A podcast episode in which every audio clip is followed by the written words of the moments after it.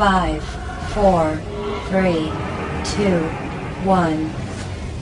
قالت مارغريت تاتشر إذا أردت أن يقول أحدا شيئا ما فاطلب ذلك من رجل وإذا أردت أن يفعل أحد شيئا ما فاطلب من امرأة وقالت العسكرية الأمريكية المتقاعدة آن دانودي خلال سنوات الثمانية والثلاثين في الخدمة شاهدت نساء مجندات يقفزن من الطائرات ويتسلقن عشرات الأميال ويقودن الرجال والنساء تحت أقصى الظروف.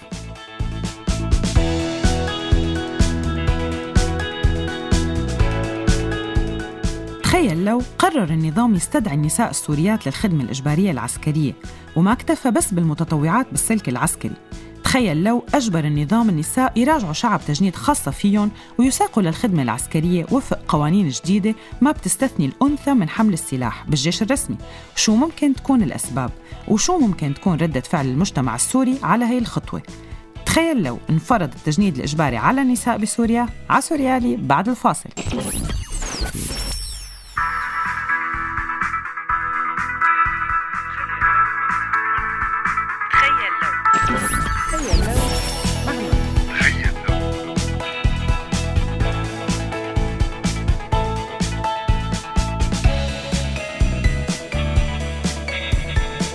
لو مع ماي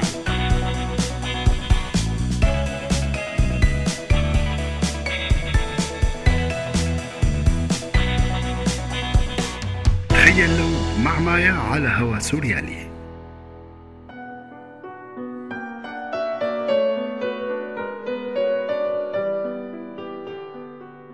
الخدمة العسكرية للنساء إلى تاريخ بيمتد على مدى 4000 سنة مضت في عدد كتير من الثقافات والشعوب وعلى الرغم من الأدوار المختلفة يلي لعبتها المرأة بالجيوش سابقا من أدوار لوجستية وطبية مثلا لكن بيبقى دورها بالقوات المسلحة وخاصة بالقتال أي الأعمال الحربية مثير للجدل حتى بالفترة الأخيرة يلي صارت المرأة فيها تنعطى دور أكبر بالقوات المسلحة.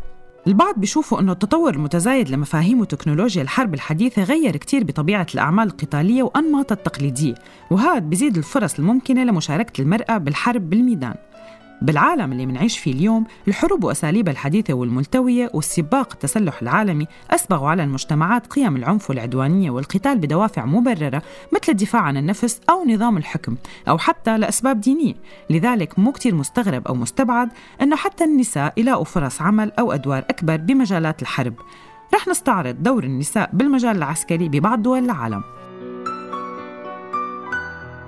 بروسيا مثلا النساء بشكلوا 9% من الجيش الروسي. 90 ألف سيدة عم يخدموا بالجيش الروسي بقطاعات صحية وإدارية ولوجستية وتقنية بشكل أساسي. أما ببريطانيا فأعلن سابقا رئيس الوزراء البريطاني ديفيد كاميرون بسنة 2016 أنه رح ينسمح للنساء أنه يشاركوا بالقتال في الخطوط الأمامية بالجبهات. وبتشكل النساء 10% من عدد القوات المسلحة البريطانية. أما المرأة العسكرية الأمريكية فهي من أكثر نساء حلف شمال الأطلسي مساهمة في القوات المسلحة والدفاع الوطني. وشاركت المرأة بالقوات المسلحة الأمريكية بكل نزاع رئيسي بالقرن العشرين الميلادي. وزاد تجنيد النساء بعد 1973 لما انتهت خدمة الرجال الإلزامية بعد انسحاب القوات الأمريكية من فيتنام. وصارت كل القوات المسلحة الأمريكية من المتطوعين وبتشكل النساء 11% من تعداد الجيش الأمريكي. والحقيقة في مجموعة من الدول بتسمح للسيدات بأنهم يقوموا بأدوار بالخطوط الأمامية ومن بين هاي الدول كندا، دنمارك، فنلندا وفرنسا وألمانيا وإسرائيل وانضمت أستراليا للمجموعة كمان. المرأة أيضا بالجيش البولندي عندها نفس حقوق الرجال وواجباتهم وبتخدم بالجيش وبالبحرية والقوات الجوية والقوات الخاصة كمان. النساء بيخضعوا للتجنيد الإجباري بدول تانية مثل الباكستان وهي الدولة الإسلامية الوحيدة يلي بتخدم فيها النساء إجباريا بالجيش. وطبعا التجنيد إجباري بإسرائيل للنساء وللرجال بسبب قلة الكثافة السكانية وحالة التهديد الوجودي اللي بتستدعي السياسة الصارمة للتجنيد تشمل كل المجتمع الإسرائيلي. أما بالعالم العربي فالمرأة العاملة بالقطاع العسكري بمجالاته المختلفة موجودة بقوة بالأردن بالإمارات نوعا ما بالجزائر وبالمغرب أثير جدل كتير كبير بعد طرح مشروع قرار فرض التجنيد الإجباري على النساء وتباينت الآراء بين مؤيد ومعارض للمشروع. بالمقابل المناطق الكردية الخاضعة لقوات البشمركة بتخضع للتجنيد الإجباري للجنسين والنساء المقاتلات لعبوا دور كتير كبير بالمواجهة المباشرة مع تنظيم داعش. أما بسوريا فالمشاركة النسائية بالقتال بصفوف الجيش النظامي موجودة بكل المستويات وعلى الخطوط الأمامية للجبهات لكنها مقتصرة على المتطوعات يلي بيتم قبولهم وتدريبهم والتعاقد معهم. وكان في دور إعلامي بالدرجة الأولى لما يعرف بكتيبة المغاوير الأولى. هي الكتيبة كانت كلها فتيات تابعة للحرس الجمهوري وضعت على جبهة جوبر زملكا عين ترما بمواجهة مباشرة لقوات المعارضة وأوكلت لعناصر مهام قنص منطقة التماس. كتيبة المغاوير بتحوي على ما يقارب 800 عنصر. ما عدد كبير أو مؤثر لكنه لعب دور إعلامي فيه. بيظهر فيه النظام السوري كمشجع للمرأة السورية يلي بتقدر أنه تنجح بالميادين الصعبة وكعلماني ومنادي بالمساواة بين الجنسين حسب المصادر الموالية.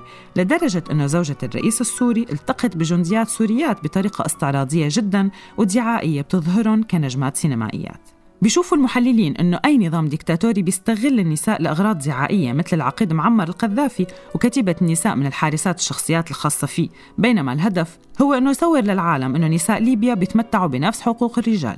بالمقابل وردت شكاوى وشهادات عن متطوعات بالجيش السوري وبالأولوية العسكرية اللي شكلتها روسيا من تحرش جنسي واستغلال جنسي من قبل الضباط السوريين للمجندات السوريات. وصلت الأمور لحد قدموا فيه متطوعات شكوى للضباط الروس بقاعدة حميميم لإنقاذهم وحمايتهم من تصرفات الضباط السوريين. لكن شو اللي ممكن يصير في حال أخذ النظام هاي الخطوة وفرض التجنيد الإجباري على النساء؟ فاصل ومنرجع. سؤال الحلقة. شو ممكن يصير في حال تم فرض التجنيد الإجباري على النساء؟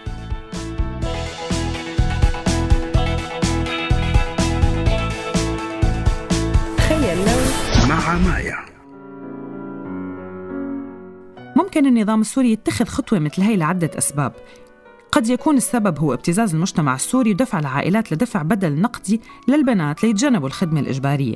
ممكن فعلا أنه يكون محاولة لتعويض النقص بأعداد الجنود مع هرب كتار من الشباب السوريين من الخدمة العسكرية والاحتياطية. وممكن يكون هذا الشيء لإثبات علمانية الدولة وممكن يكون الهدف منه إهانة المجتمع السوري المحافظ واللي لا يمكن أنه يتقبل هيك خطوة خاصة وفي سمعة المسؤولين العسكريين السيئة والممارسات اللا أخلاقية اللي ممكن يتعرضوا للنساء بهذا السلك. بالمقابل قد تكون في إغراءات مادية بتشكل حافز للأسر الفقيرة أنه تتقبل هذا الإجراء على مضض وقد يؤدي أيضا هذا الإجراء لتخفيف الضغط عن الرجال والشباب مع اتساع شريحة التجنيد لكن شو هي تداعيات قانون مثل هذا؟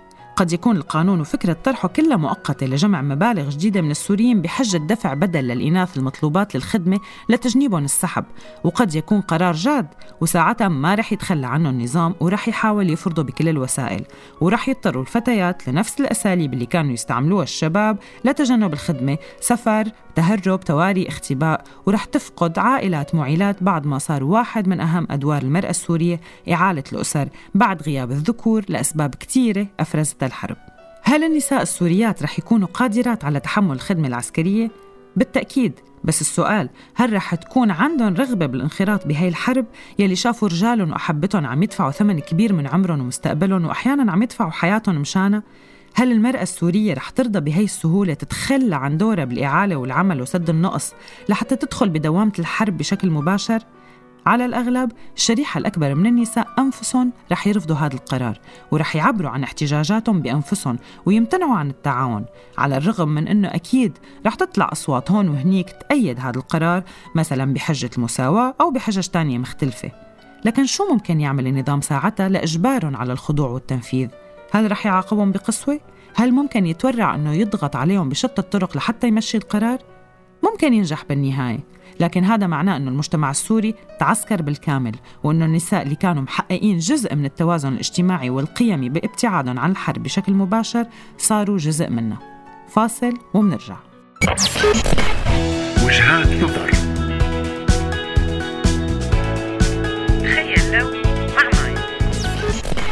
سألناكم كسوريين شو ممكن يصير في حال تم فرض التجنيد الإجباري على النساء وهذا جزء من آرائكم. بيصير الضباط عدايل وبيصير في إجازات أمومة كتير. بالمشرمحي بيصير الضابط بيبتز المجندة. إذا بالجامعة الدكتور عم يبتز الطالبة. كيف بالجيش؟ أنا مع ذلك وبشدة. والله سوريا صار فيها مثل ألس في بلاد العجائب. بمرروه. شو بيمنع؟ أنا أتفق مع هذا استنادا للمساواة. عادي رح بيمر هيك قرار وما حدا رح يحكي كلمة شطحنا شوي بهالحلقة مثل ما بنعمل بالعادة لكن مع وجود التجنيد الإجباري للنساء بعدة دول بالعالم وبدولة عدوة وكتير قريبة هي إسرائيل ومع طرحه بعدة دول تانية مثل المغرب العربي وبروز نموذج المقاتلات الكرديات كنموذج بطولي يحتذى مؤخرا مو كتير مستبعد عن النظام يعمل هيك خطوة. ممكن تكون جزئية وبالتدريج تتعمم. والمشكلة بهاي الحرب مو مين بيشارك فيها ولا مين من الجنسين. المشكلة هي وجودها بحد ذاتها وأسبابها وثمنها الكبير والعبثي. وهلأ إلى اللقاء.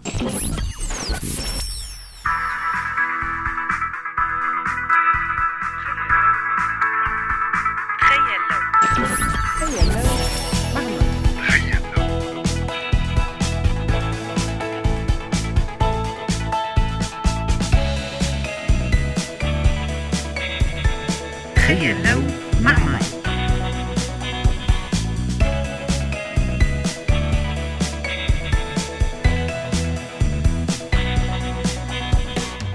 تخيل لو مع مايا على هوا سوريالي. هذا البرنامج من إنتاج سوريالي 2018